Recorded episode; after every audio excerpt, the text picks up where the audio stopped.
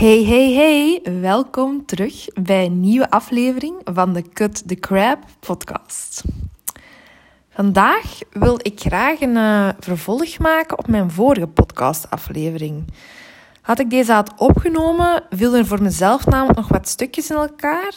Uh, dat kwam ook wel dat er mij iemand onlangs de vraag stelde: kun je hoogsensitief worden door trauma? Dus in deze aflevering uh, deel ik met jullie mijn gedachten en het proces hieromtrent. Um, ik wilde dus een lange tijd niet hoogsensitief zijn, omdat ik dat ervaarde als last. Maar ik ben toch even gaan doorvoelen en nadenken wat het verschil is tussen nu en toen. En het antwoord was voor mij heel erg duidelijk. Het had te maken met bepaalde gebeurtenissen en situaties waar ik lang in geleefd heb, die mijn brein geregistreerd heeft als trauma. Bij trauma denken mensen vaak snel aan de ergste dingen, zoals extreme mishandeling. Maar een trauma kan ook een situatie zijn waarin jij simpelweg je niet veilig voelde. Het gevoel had langdurig jezelf niet te kunnen zijn, of er niet voor jezelf te kunnen zijn. Het is een situatie waarbij je brein bepaald heeft dat het niet veilig was. Zelf zat ik ongeveer acht jaar in een situatie die ik geregistreerd heb als onveilig. In een situatie waarbij ik nooit wist wat de sfeer zou zijn. Werd er veel geroepen en getierd of werd er gelachen en gedaan of er niks aan de hand was? Ik heb voor mezelf vaak die situatie geminimaliseerd en het verworpen naar het is zo, waardoor ik alle controle buiten mezelf plaatste. Ik onderging de situatie en probeerde er het beste van te maken. Veel HSP'ers die in een voor hen onveilige thuissituatie hebben geleefd, staan als volwassenen op scherp en hun filters werken, werken nauwelijks meer. Ieder beetje stress of tegenslag is te veel voor ze en ze ervaren weinig levensenergie of lust. En dat is best lastig leven zo. En zelfs bijna onmogelijk om van het leven te genieten. Want zolang je trauma niet verwerkt of een plaats geeft, is dat nogal moeilijk. Als HSP'er heb je voelspritten, zoals ik ze graag noem. En daarmee kun je omgeving scannen, weet je wat de gemoedstoestand is, kun je goed aanvoelen hoe anderen zich voelen, maar is het ook zeker een uitdaging om dicht bij je eigen gevoel te blijven. Beetje het spons-effect, zoals ik de vorige keer wel eens beschreef. Het is dus nodig om regelmatig te kunnen ontprikkelen, zodat alle energie en emoties van andere mensen terug kunnen wegvloeien. Maar wanneer je in een situatie leeft waar alles constant op hoogspanning staat, is dat heel erg moeilijk. Je staat met andere woorden constant op aan. En hierdoor geraakt je overbelast. Dat heeft als gevolg dat je niet meer enkel gevoelig bent, maar dat je overgevoelig bent geworden voor alle soorten prikkels. En om die redenen voelde, voelde ik me eigenlijk als HSP'er enorm onbegrepen. Andere mensen snapten niet waarom ik mij constant zo slecht in mijn vel voelde. Waarom ik constant zo moe was. Waarom ik van de ene depressie in de andere ging. En nu ik erbij stilsta, snapte ik dat eigenlijk zelf toen ook niet. Want ik vocht zo hard voor mijn mentale gezondheid. Ik ging naar de psycholoog, volgde allerlei trainingen, probeerde veel te mediteren om rust te vinden. En dat heeft me zeker geholpen om de situatie houdbaar te houden, maar dat hielp mij niet op langere termijn. Want je kunt niet genezen in dezelfde omgeving die je ziek maakte. Ik wil dat je die even laat binnenkomen. Je kunt niet genezen in dezelfde omgeving die je ziek maakte. Ik was hoogsensitief en overgevoelig. Ik liep constant op de toppen van mijn tenen. Daarom ervaarde ik mijn hoogsensitiviteit als last en niet als gave. Ik had gedacht dat de overgevoeligheid wel zou verdwijnen het moment dat ik uit die situatie ging stappen maar mijn brein kon dat niet zomaar afzetten met een knop.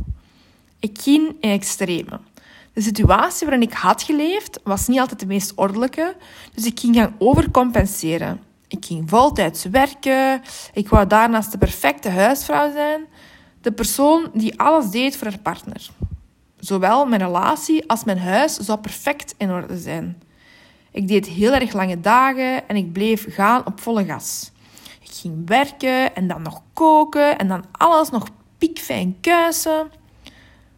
Maar ik ondervond al snel, als je geen tijd en ruimte maakt om rust te nemen, zou je lichaam er wel voor zorgen dat je dit doet.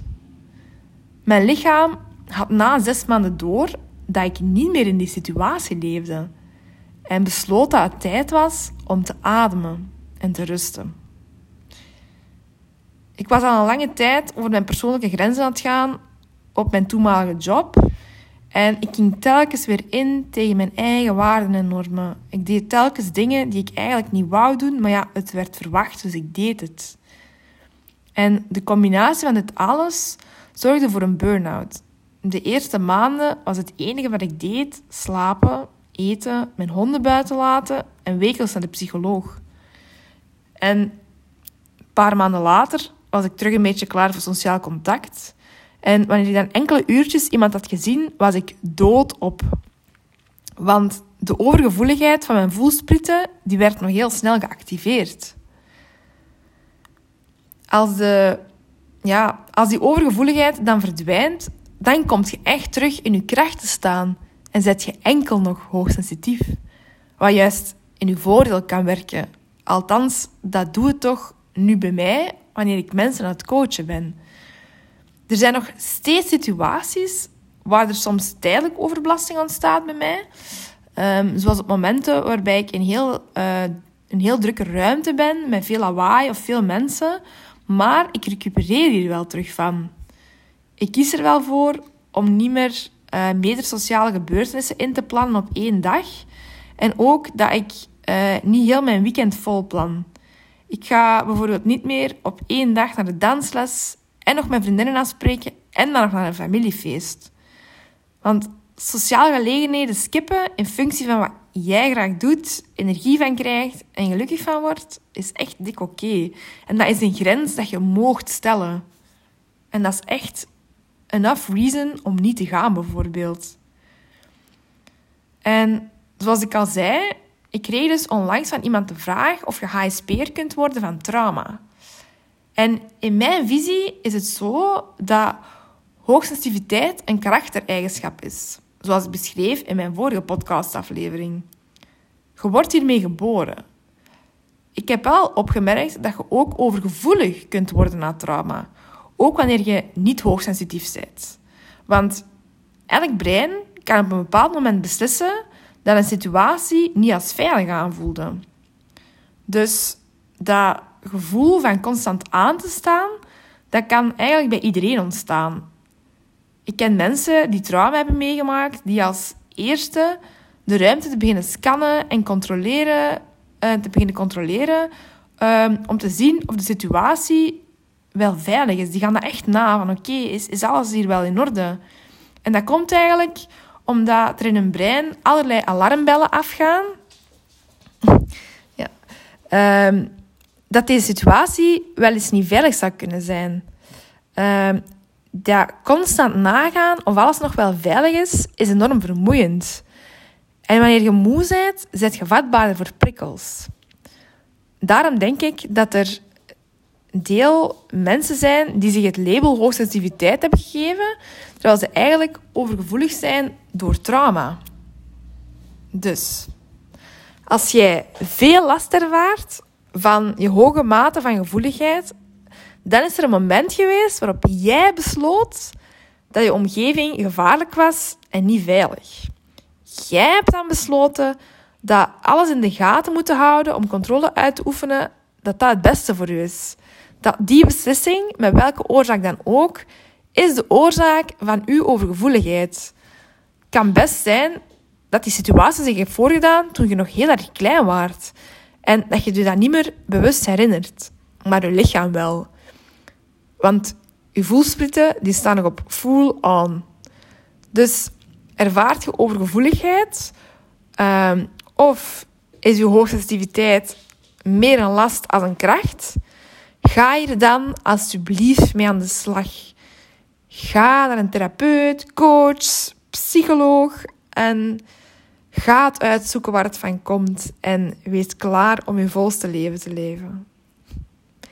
Bedankt om te luisteren. Ik was heel, ben heel dankbaar dat jullie er vandaag weer bij waren. En uh, ja, als je het waardevol vond, uh, deel het op sociale media. Tag mij, de coach, Elisa de coach, uh, naar verbinding. Um, en laat mij weten wat je ervan vond. Vind ik altijd super fijn. Uh, ja, dankjewel. Dag.